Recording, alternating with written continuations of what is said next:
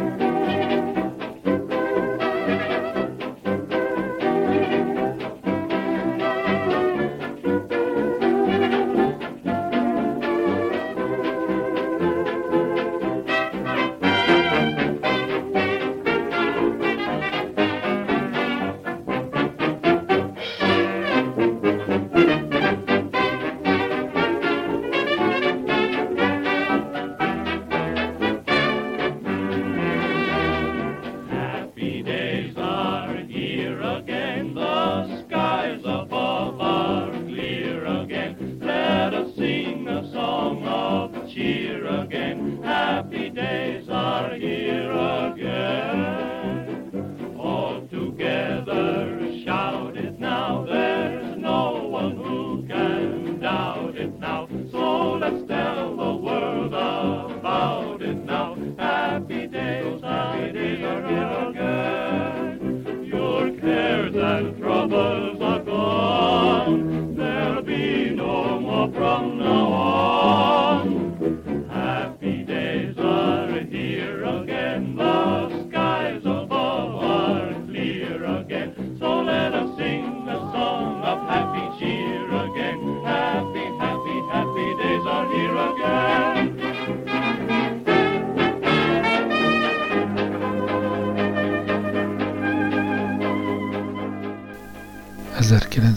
Ben nem történtek igazán nagy dolgok, csak szép csendben megőrült a világ.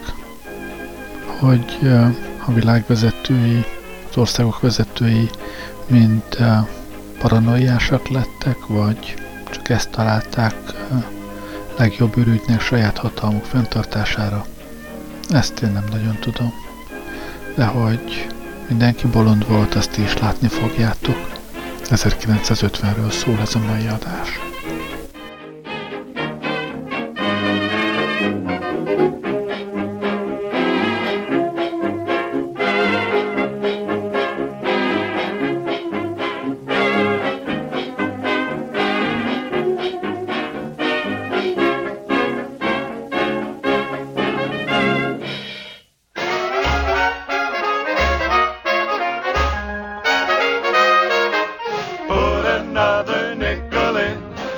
the Nickelodeon. All I want is having you and music, music, music. I do anything for you, anything you'd want me to. All I want is kissing you and music, music, music. Closer, my dear, come closer. The nicest part of any melody is when you're dancing close to me, so close.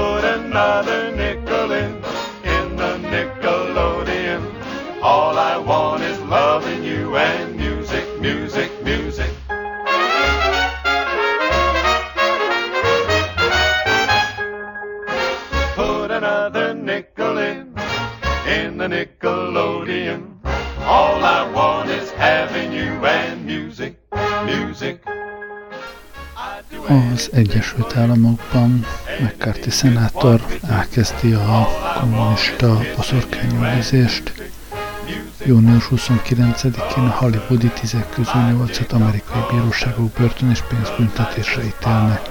Az illető filmesek megtagadta, hogy állítólagos amerikállenes tevékenységüket illetően vallomást tegyenek a McCarthy bizottság előtt, mert ezt alkotmányellenesnek tartották. Augusztus 23, az USA szenátusa hivatalos közleményben óva a filmgyártókat attól, hogy kommunisták, nászik vagy fasiszták foglalkoztatásával filmeket készítessenek. Ebbe a kategóriába tartozó rendezőnek minősítették például Roberto rossellini is. Egyébként Woody Allen csinált egy, egy egészen kiváló filmet erről a, az időszakról. Az eredeti címe az, hogy uh, The Front, magyar címe, hát, hát ezt most nem tudom, majd, majd a csetre beírom, ha eszembe jut.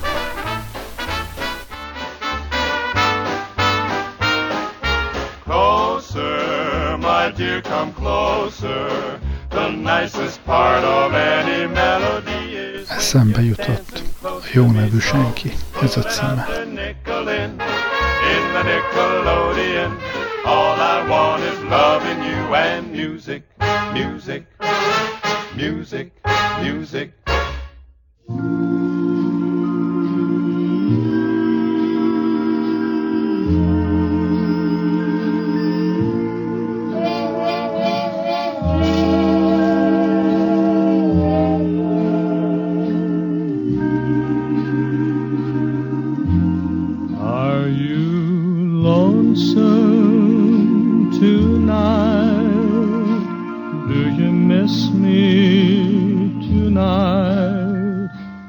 Are you sorry?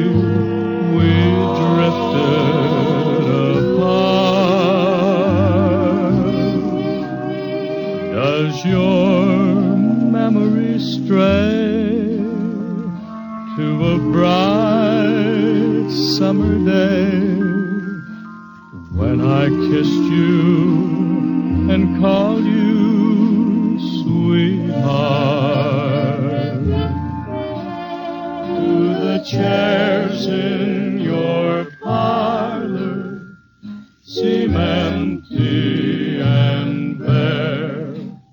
Do you gaze at your doorstep and picture me there? Is your heart filled with pain? Shall I come?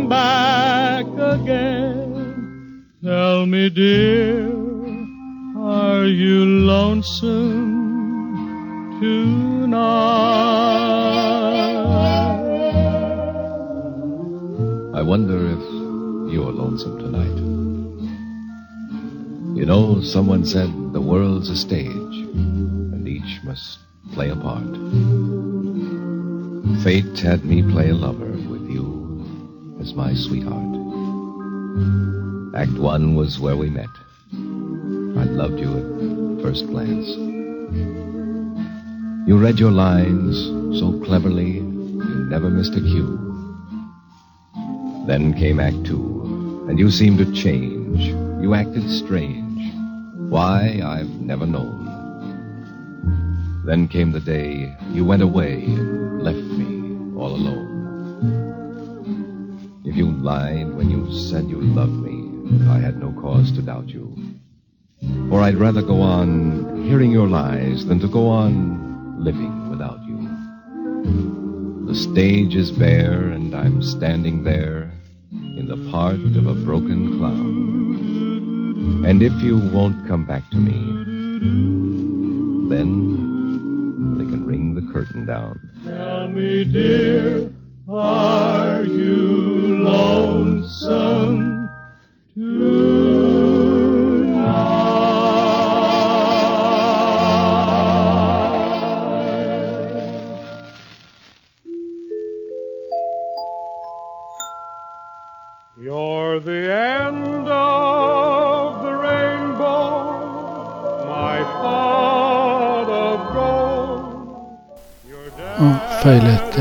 nyugat ezzel együtt szépen prosperált az Egyesült Államokban a munkanélküliség iráta 5,9% volt, és 1950-ben a, egy ház átlagos, egy átlagos házára olyan 8500 dollár körül volt, miközben egy átlagos évi fizetés 3200 dollár. Ugyanakkor egy gallon benzinára 18 cent, egy új autó ára átlag 1500 dollár. Megint egy éves fizetés átlagosan 3200 dollár. Egy uh, fekete-fehér TV 250 dollár körül volt, egy uh, golyóstól 25 cent, egy uh, bőrönt 25 dollár, egy Samsonite bőrönt, és egy órás rádió 60 dollár körül lehetett. Ugyanebben az időben Angliában az inflációs ráta mindössze 2,8% volt. Az is igaz, hogy 1950 volt az az év, amikor letartóztatták Klaus Fuchs fizikust, atomfizikust, amiért kémkedett a Szovjetuniónak. Egyébként ez a Fuchs, ez egy érdekes figura volt, német születésű, de a nácik elől lévén meggyőződéses kommunista Angliába emigrált, aztán Amerikában a, a Manhattan Projectben az atombomba kifejlesztésén dolgozott, de még Angliában a Szovjetunió beszervezte, mármint a KGB beszervezte kémnek. Úgyhogy a Manhattan Project idején mindvégig a szovjeteknek kémkedett, és 50-ben tartóztatták le emiatt Angliában, és kapott 9 év börtönt, amit szépen leült, majd utána elment Kelet-Németországba, és haláláig, 88-ig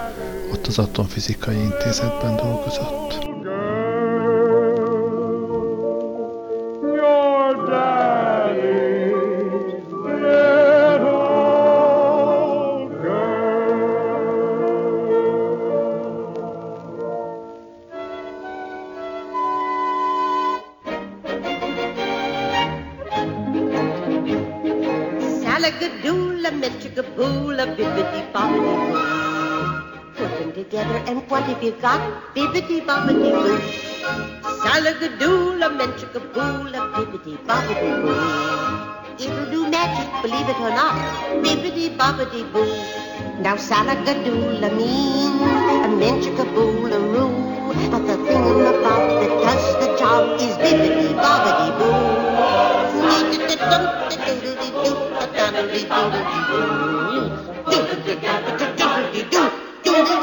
doodly doodly doodly doodly doodly boo.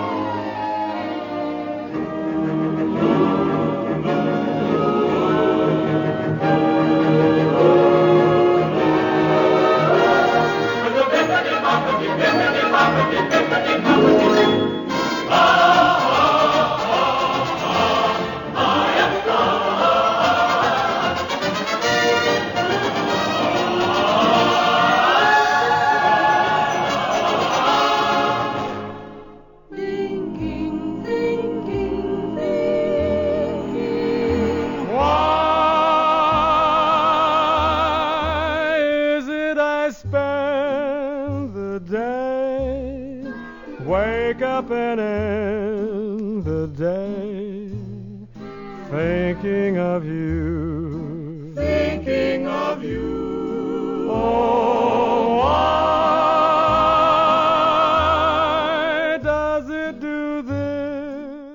Egyesült Államokban egy Richard Lawler nevű úriember végrehajtja az első sikeres uh, vese átültetést, uh, Dallasban pedig uh, beindítják az első önkiszolgáló liftet. Magyarországon sem múlik eseménytelenül az idő, Miskolchoz csatolják alsó és felső hámort, görömböjt, és Budapesthez csatolnak számos környékbeli települést, Előtte a városnak nagyjából a körvasúsornál vége volt. Az összes peremkerület 1950-ben került a fővároshoz, akkor lett Újpest a negyedik kerület, és a 15, 16, 17, 18, 19. kerület, ezek mind, mind 50-ben kapcsolódtak a fővároshoz, előtte ezek jobbára falvak voltak. A 15. kerület Rákospalota néven futott, mint falu, új palota természetesen nem létezett, ott kukoricaföldek voltak akkoriban, illetve hát ott volt még Pestújhely, a 16. kerület pedig öt falu volt korábban, Árpádföld, Mátyásföld, Sashalom, Rákosszent Mihály és Cinkota. Tehát ezt az öt falut is hozzácsapták a fővároshoz, és így alakult ki a mai 16. kerület, ahol a stúdiónk is van. And when I fall asleep at night, it seems you just tiptoe into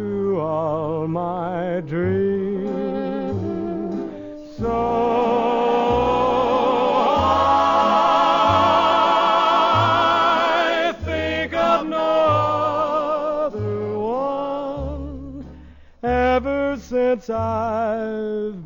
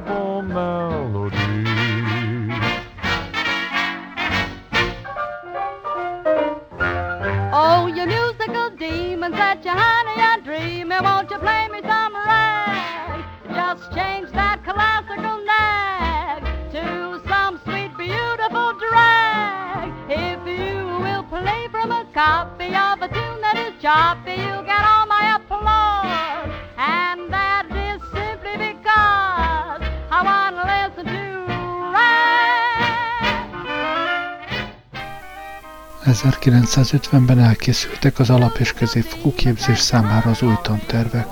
A művelődési anyagot a marxizmus-leninizmus eszmének megfelelően a szovjet példa útmutatásai alapján választották ki. Nőtt az ideológia hordozó tárgya, de a természettudományos tárgyak szerepe is. Megszűnt a választható idegen nyelv oktatása, helyét az orosz nyelv kötelező tanulása foglalta el az összes iskola fokozatban.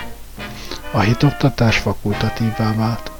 Az első szocialista tanterveket maximalizmus, a kötött tanítási rend, a marxizmus-leninizmus túlméretezett, ugyanakkor alacsony színvonalú oktatása, vulgár materializmus, dogmatizmus jellemezte. A felsőoktatásban ezekben az években a hallgatók származás szerinti kategorizálása okozta a legfőbb problémát. A nem munkás és paraszt származású hallgatók kerültek hátrányos helyzetbe.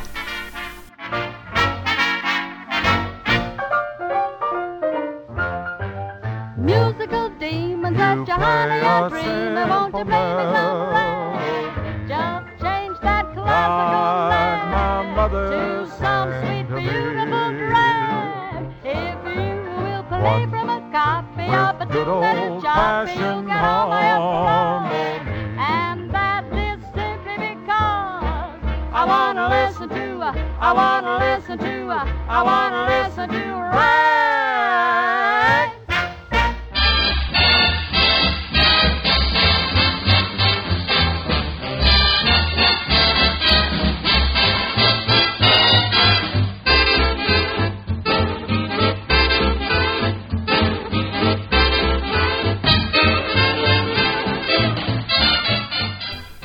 Június 25-én észak-koreai erők megtámadják a dél-koreai köztársaságot, és ezzel megkezdődik a koreai háború.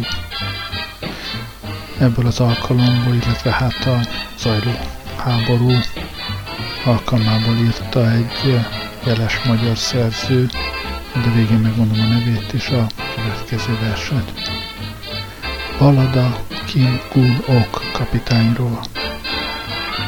Fordul a cirkáló, sok ezer tonna acél orrát a csörgő habba belefúrja a keleti parton, Kórea vizeinél.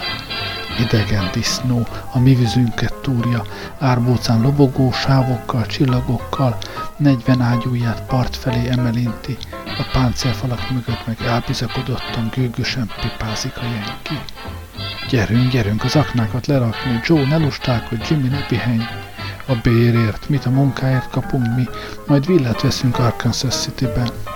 A figyelő jelent. Nyugatról a vízen koreai neszádok közelednek. Töltsétek meg az ágyukat sebesen, befőtünk mi most ezeknek. A golyók a naszád mellett vízbe csapódnak, ücskös a víz, tübörög a kazán. Teljes gőzzel erőre, csőbe a torpedókat, vezényel Kim kapitány. Nem voltam ott, de megesküszöm rá, hogy mielőtt a célnak indították, koreai elvtársaink a naszádon a torpedókat végig simogatták. Én is odaadnám a szememet, hogy lássa jól a célt a torpedó, mint a fehér ház úgy emelkedik a zöld habból az ellenséges hajó. Nem számít a torpedónak a páncél, vagy húsz hüvelyk vastag, vagy azon felül. A cirkálóba vad lángcsap magasra, s oldalával a mélység feledül. A polipok és halak megcsodálják talán, mikor nehézkesen a fenékre hoppan. Fenn a szádon áll Kim Gun Ok kapitány, s parancsait osztogatja nyugodtan. Vastag volt az acél, talán 40 hüvelyk, de a legvastagabb páncélok is betörnek, ha erejével valaki odavág 800 millió proletára kölnek. Olasz, francia, kínai proletárok, szabadok a skiknek tőkésül nyakán, vágjunk oda mi is.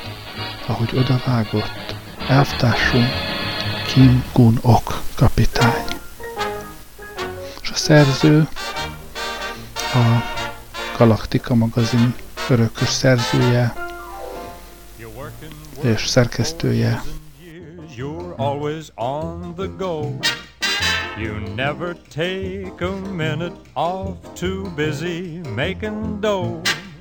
Someday you say you'll have your fun when you're a millionaire. Imagine all the fun you'll have in your old rocking chair. Enjoy yourself. It's later than you think. Enjoy yourself while you're still in the pink. The years go by as quickly as a wink. Enjoy yourself, enjoy yourself, it's later than you think. You're gonna take that ocean trip no matter come what may. You've got your reservations made, but you just can't get away. Next year for sure you'll see the world, you'll really get around. But how far can you travel when you're six feet underground?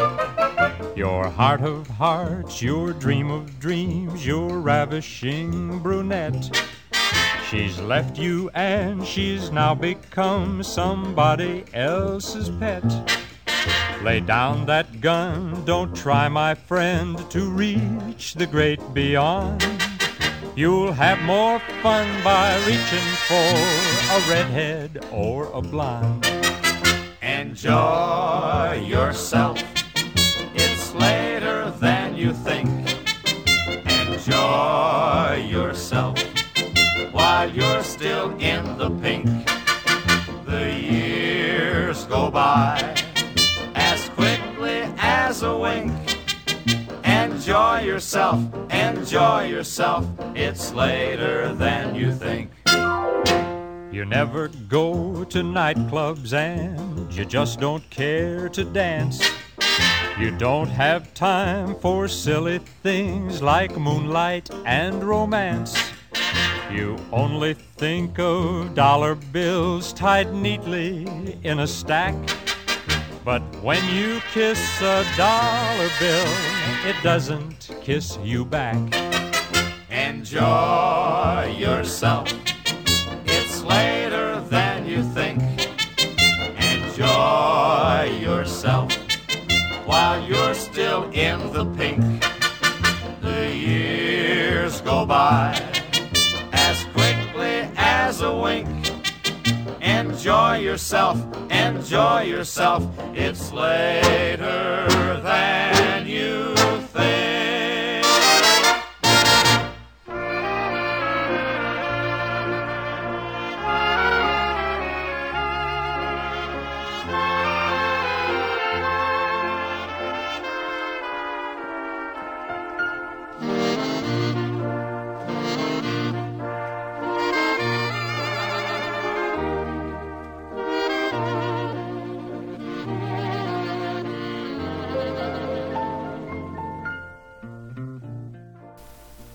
Eszembe sincs Kucka Pétert elítélni, nem éltem akkor, mégis nem bírom ki, hogy még egy versét föl ne olvassam. A címe Kis csillagok. Bevonulnak a pionírok, hars dalokkal, spiros dobokkal, s mindenki föláll nékig tapsol a történelmi padsorokban. Hangjuk csengésén eltűnődnek 905-ös pártagok, kiket még így is oktatott, tanúi barikádidőkne, s az októberi harcosok, s a krím szuronyos katonái, akik látták magasba szállni a rőt, ötágú csillagot. Gyapott szedő alma a tából mérnök az új tengervizétől érzbányász, látni nagy kezéről repülő, látni kék szeméről. A jövendőt állva fogadják, köszöntik a gyermekeket, s árulkodnak ott a szemek, nem rejtik el a könnyeket. Kis csillagok a pionírok, az elnökség előtt megállna, és ifjúságokat adják át a kommunizmus kongresszusának. Virágölelő karjuk tárul, tulipánt, rózsát hintenek, magasra Sztálin emeli, és megcsokkolja egyiküket.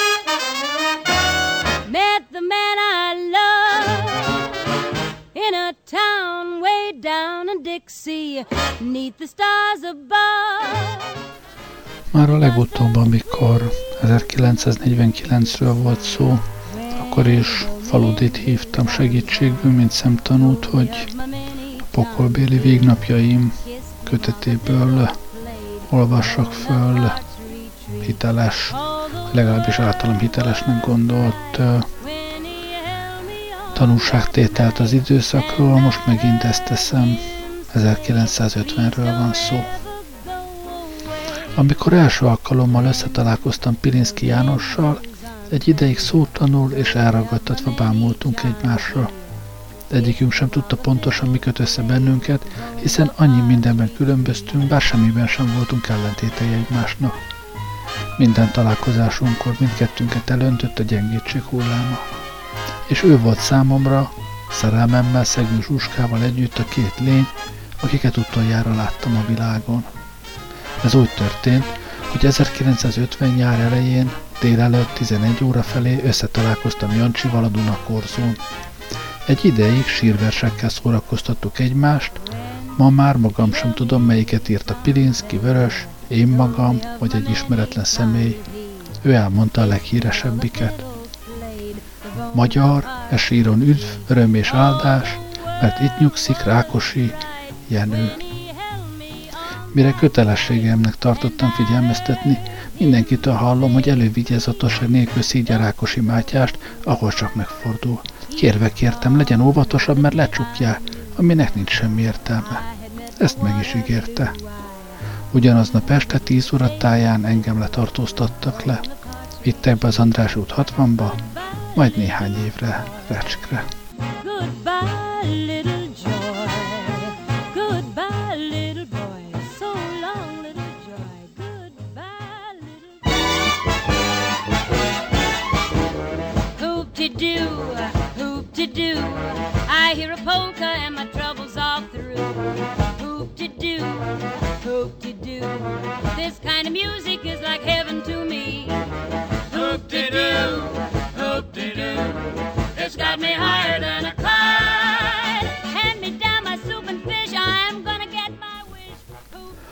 a 48-as számú cella fűzöldre festett vasajtója becsapódott mögöttem, felszabadulást éreztem.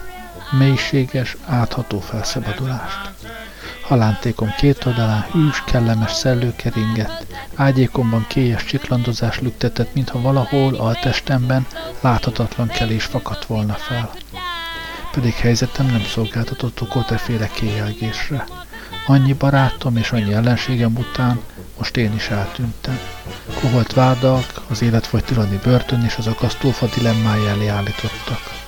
Arcom még égett tele tartóztatás okozta soktól, holott ennek már közel 72 órája volt. Ablaktalan, föld alatti zárkában találtam magam. A cella három oldalán folyosó futott, nehogy szomszédom legyen, kivel morzizni tudok. A negyedik oldalon a felvonó aknája, illetve gépháza és kötélzete.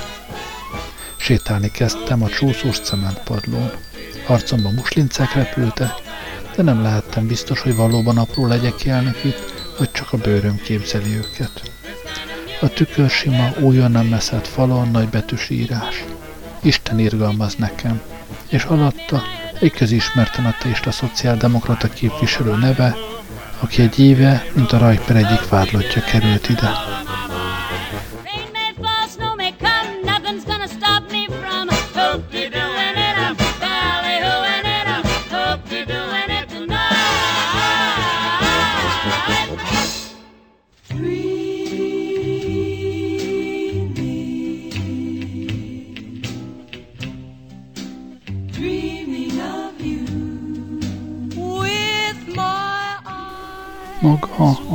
A letartóztatásom leverő, kővéfagyasztó, borzongató élményként ért, és emlékezetemben is az maradt.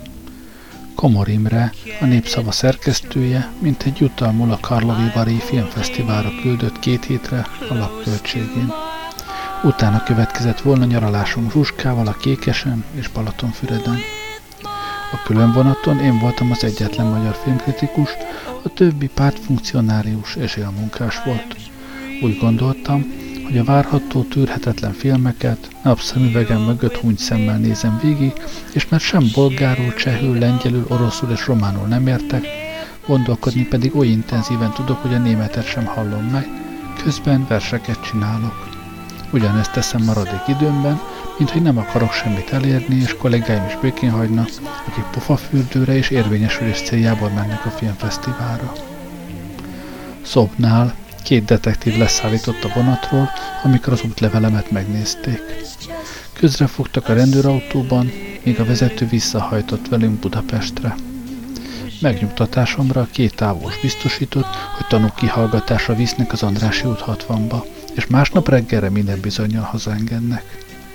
Kegyes és áttetsző hazugságukra bólintottam egyet, és hallgatásba burkolóztam. Visszaidéztem álmatlan éjszakáimat, amikor a letartóztatásomra készültem. Formális logikára alapított érveimet, melyek szerint alig ha tartóztatnak le, miután semmi törvénybe ütközött nem követtem el, és érzéseimet, meg sejtéseimet, hogy mindezek ellenére lefognak. És most itt vagyok a 48-as számú cellában. Jó jel, 1848 emlékét idézi. Amerikai cigarettával kínáltam a detektíveket, mohón kaptak utána, és sokat mondóan összesandítottak. Túl vagyok a letartóztatáson, gondoltam, akkor újra és újra. Másfél esztendeje vártam erre, és most úgy érzem magam ebben a kocsiban, mintha öt perccel halálom után tulajdon holtesten felett lebegnék, és a holtak bőkével tekintenék vissza egykori halálfélelmeimre. Mint hogy a detektívek mereven nézték zsebemet, mindegyiknek markában nyomtam egy-egy csomag cigarettát, és azon túl az országutat figyeltem. A kékes-fekete jegenyes és a sárga falusi templomokat, amelyek mellett elhaladtunk, és a reflektorfényben ugráló nyulakat, melyek kétségbeseten kapálóztak hátsó lábukkal.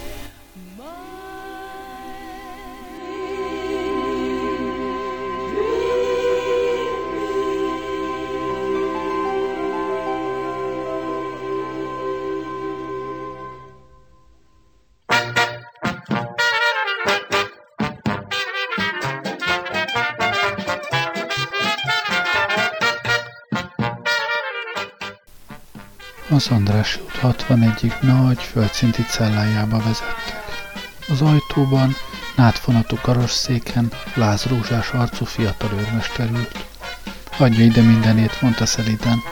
Egy pillanatig tanástalanul álltam a vér, a verejté és az emberi ürülé folytogató atmoszférájában. Aztán letettem elé a pénzemet, öngyújtómat, karórámat.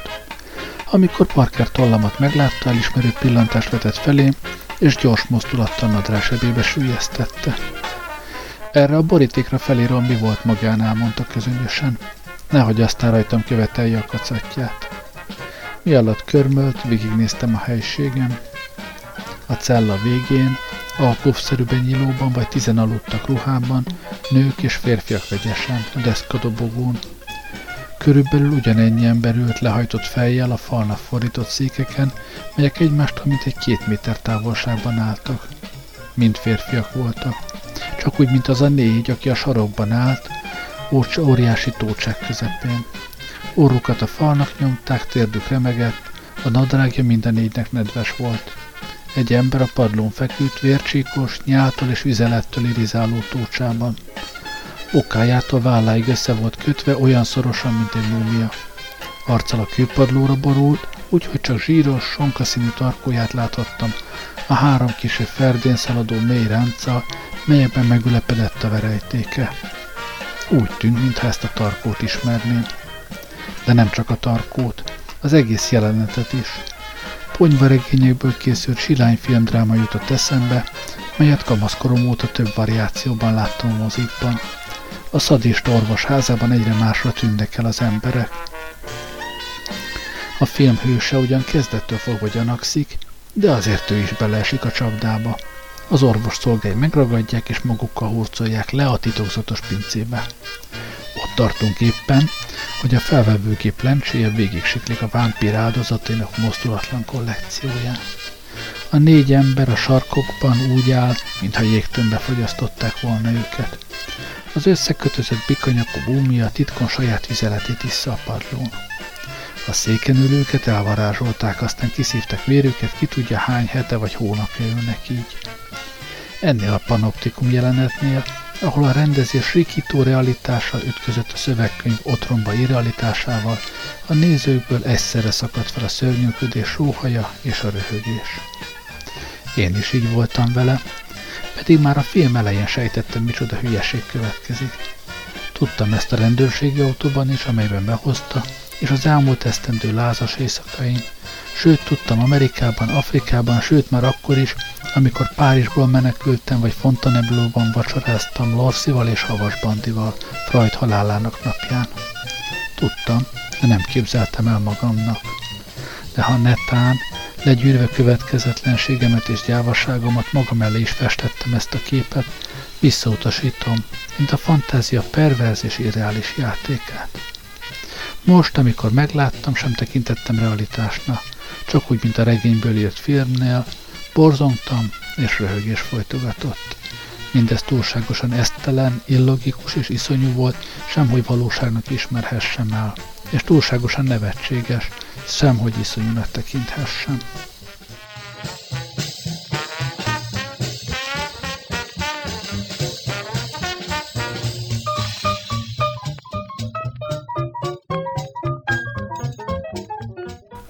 36 órát töltöttem a közös cellában. Nagy részt az egyik falnak fordított széken ültem, a második éjszaka a dobogón aludtam. A sarkokban álló négy ember közül három időnként összeesett. Ilyenkor az őrmester egy-egy vizes vederrel leöntötte, talpra állította és felpofozta őket. A negyedik alig, hanem még csak egy-két napja állhatott, az ő irányából nem hallottam puffanást. A csendet csak az alvó horkolása, és az összekötözött ember előadásai zavarták. Borostás, széken ülő szomszédom morzajeleket horkolt felé. Igaz, hogy az amerikaiak atomot dobtak Koreára? Visszahorkoltam neki, ehhez túl ostobák. Az összekötözött ember mindegyik beszéde négy-öt, nyilván előre megfontolt, rövid mondatból állt. Az első alkalommal mély meggyőződéssel ezt kiáltotta. Nemzetgyűlési képviselő vagyok, mentelmi jogomat nem függesztették fel, nem értek büntetten, hiszen a fürdőkádban ráncigáltak ki. Követelem, hogy haladéktalanul engedjenek szabadon. Másodszor azt sérelmezte, hogy már 12 napja tartják őrizetben, holott az ilyen évi törvény ilyen számú paragrafusának értelmében senkit 24 óránál tovább rendőri fogságban tartani nem lehet. Máskor azt követelte, hogy állítsák vizsgálóbíró elé, értesítsék családját, engedjenek ügyvédet hozzá és oldják el köteleit. Valahányszor megszólalt, az ő oda sietett hozzá, és már az első mondat végén rúgdosni kezdte, de ő konokul mondta tovább a magáét, noha a rugások, mint ahogy ziháló hörgéséből kivettem, nyakát és bordáit érhették. Sorstársaiban csak szemem sarkából figyelhettem. Mint hogy a képviselőn kívül nem találtam ismerőst, gondolataimba merültem. Bizonyos elégtétellel töltött el, hogy a poklot eleve olyannak képzeltem, mint amilyen, és mégis új tapasztalatokat szerzek. A szenvedés tapasztalatainak örültem, de nem magának a szenvedésnek. Féltem, hogy tapasztalataimat nem lesz módon másokkal közölni, és még a morze horkolást is abba hagytam. Nem volt értelme, hogy bárkivel üzenni próbáljak valamit, hiszen innen nyilván soha senki nem kerül ki. Naponta háromszor csajkát tettek széken mellé. Amikor felemeltem, mindig egy pillantást letettem a tőlem balra eső sarokban álló magas férfira, aki ilyenkor mohon habsolva falta az étel, mintha csak erőt akarna gyűjteni a további kínzások elviseléséhez.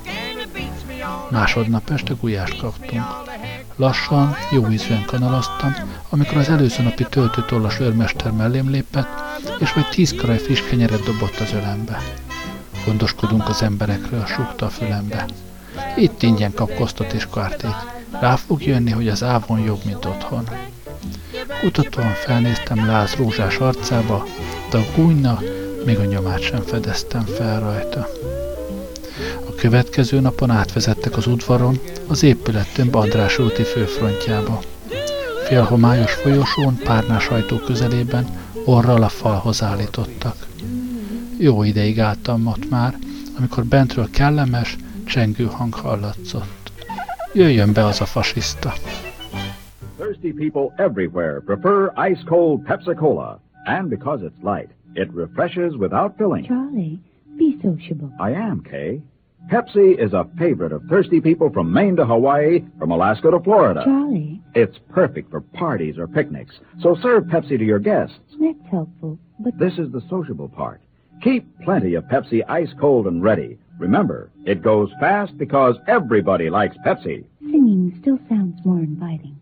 May I? Be sociable, look smart, keep up to date with Pepsi. Drink light, refreshing Pepsi. Stay young and fair and debonair. Be sociable, have a Pepsi.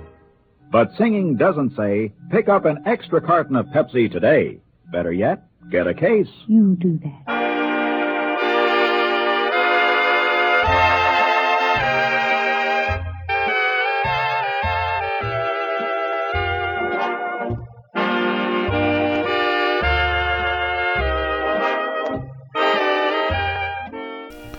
Az íróasztal mögött fiatal, egyenruhás százados állt. Miközben felvette adataimat, körülnéztem. Először ösztönszerűen a névtáblát kerestem asztalán. Ennek híján elkereszteltem köszönő embernek, nyilván ez fogadja a klienseket.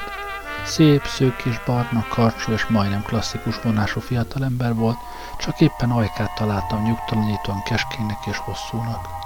Míg adataimat gépelte, elragadtatva nézte tulajdon kezét, melyen végigömlött a felső ablakon beáradó napfény. Körmein gyöngyhászfényű ezüstös oldat csillogta, de végükön a szarú vastag volt, sárgás és lecés. A két ablak közti félhomályos falrészen Stalin, Lenin és Rákosi ismert, plakátszerű fényképei lógta, közvetlenül az írvasztal felett pedig Dzerzsinszki. Az utóbbi egy rajz, igen jó reprodukciója volt, levelezőlap nagyságban és ízléses keretben. Nyilván ő volt a kedvenc, a szakma védszentje, a ház őrangyala, nem pedig a félhomályban leskelődő bálványok.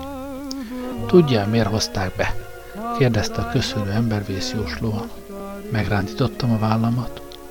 Nem baj, mondta elnézően, mi annál jobban tudjuk, olvassa. A papírt oly gesztussal nyújtott át, mintha hallatlan kegyet gyakorolna. Valószínűleg ezzel a mozdulattal akarta értésemre adni, hogy nagy lelkű és egészen kivételes elbánásban részesít. De miben áll ez a kivételes elbánás? Hogy aránylag enyhe vádakat koholtak ellenem? Vagy hogy egyáltalán koholtak, ahelyett, hogy belőlem vernék ki, amit hallani akarnak? Megfordítottam a papírlapot és átfutottam. Azzal kezdődött, elismerem, hogy súlyosan vétettem a dolgozó magyar nép és a magyar népköztársaság törvényei ellen, amennyiben először az amerikai titkos szolgálat ügynöke vagyok, és kémtevékenységet folytatok. Másodszor fegyveres felkelést szerveztem a népköztársaság megdöntésére. Harmadszor, mint jobboldali szociáldemokrata, különféle szabotás akciókat hajtottam végre.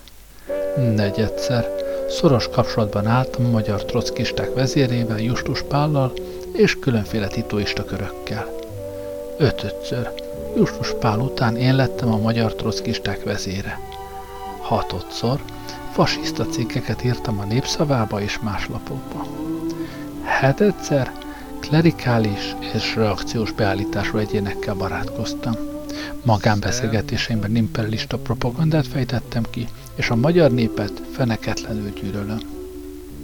A következő bekezdésben az állt, hogy mindezt test és lelki kényszer nélkül saját jó szántamból mondtam tolba, és nevem aláírásával hitelesítem. Néhány sorral lejjebb, más írógép betűjével, még egy nyolcadik pont következett. Ez szerint letartóztatásomtól félve felfurakodtam egy Csehszlovákiába induló vonatra azzal a szándékkal, hogy onnan tovább szökjek Nyugat-Németországba, és kémjelentést vigyek az amerikai titkos szolgálatnak. Néhány pillanatig úgy tettem, mintha a szöveget tanulmányoznám. Ami a legjobban érdekelt, hogy elmebetegek vagy gonosztevők kezére kerültem-e, nem derült ki a szövegből. Magatartásomnak, védekezésem egész stratégiájának is ehhez kellett alkalmazkodnia. Amikor a papírlapot visszatettem az íróasztalra, észrevettem, hogy remeg a kezem. Heves szégyenkezést éreztem, a kézremegést csak úgy, mint azért, hogy mindabban, amivel vádolta, semmit nem követtem el. Aláírja? Az egészből egy szó sem igaz feleltem. A köszönő ember bal kézre fogta a gumibotot és megcsóválta. Majd elválik, mondta. Nekünk is vannak érveink. Rajk Lászlóval is készen lettünk, magával is el fogunk készülni. De én nem azért hivattam, hogy fecsegjek magával. Hajlandó aláírni a vallomást vagy sem. Mind a nyolc pontja valótlan. Engem a maga véleménye nem érdekel. Ha valótlan, majd bebizonyítja, hogy valótlan. Azt kérdeztem, aláírja-e, vagy sem? Egy vád valótlanságát általában nehéz bizonyítani. Ezek a vádak azonban olyan képtelene, hogy még ezt is meg tudom tenni. Az első pont szerint amerikai kém lennék. Ugyan hol kémkedtem, mikor és miért.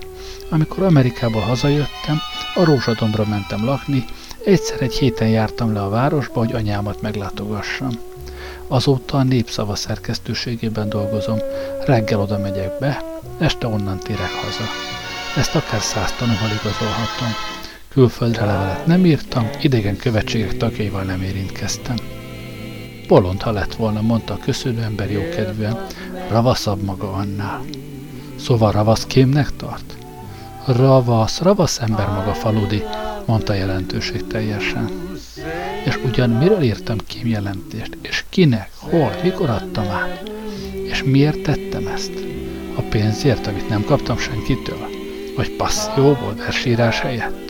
Vagy ambícióból, hogy hírnévre tegyek szert, és bekerüljek a kémek képes világ történetébe? Így fest egy kém?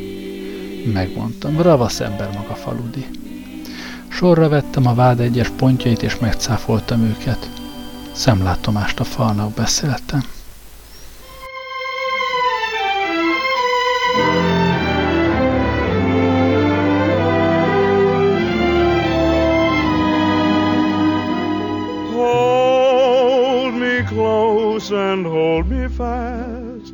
Magic spell you cast.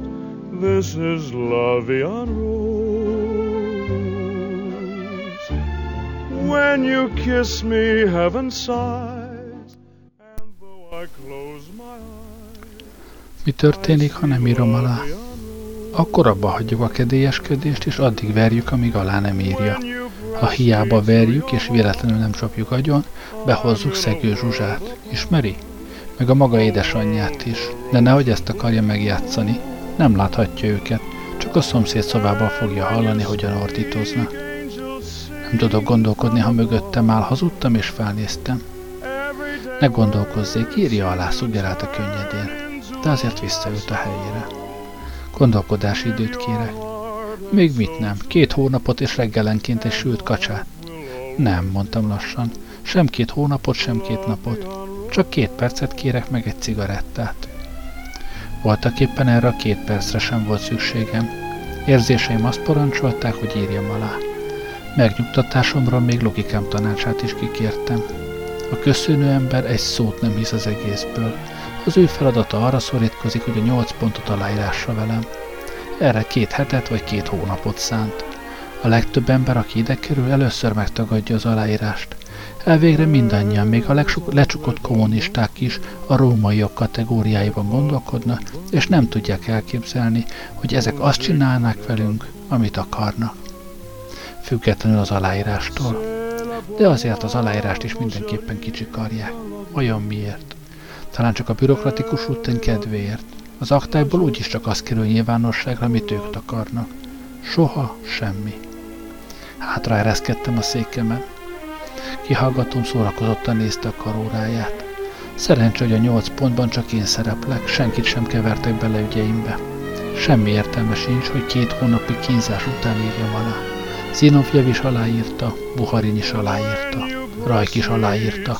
Valószínűleg hosszú hetek és hónapok után, mi alatt kétségbesetten igyekeztek meggyőzni raptartóikat, hogy ártatlanok. Adja ide a tollat. A köszönő ember annyira meghökkent, hogy mindkét kezét lekapta az asztalról, és az írógép mögé rejtette. Tizenegy példányban kell aláírni, mondta Mohón. Már nyújtotta is a tollat, és szolgálatkészen vette el kezem elől alól a papírok, lapokat, és folyta a tintát, nehogy a szép akták elkenődjenek. Love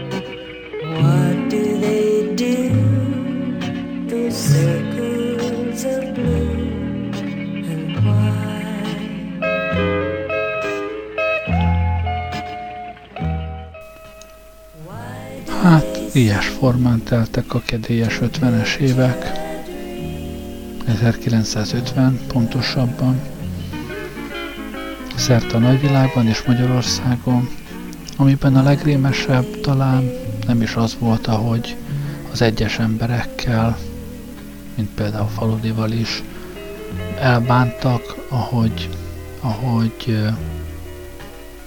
internáltak, megkínoztak embereket, kivégeztek embereket, sokkal inkább talán az az átható rettegés, az a, az a bénulat, ami az egész országon ült, amikor, amikor mindenkinek volt olyan ismerős, aki egyik nap még volt dolgozni, aztán másnap eltűnt, esetleg szomszédok látták, ahogy éjszaka lesötétített autó jött valakiért, és tudták, hogy ez, ez lényegében bárkivel megtörténhet, Elég egy meggondolatlan félmondat, vagy akár az se kell hozzá.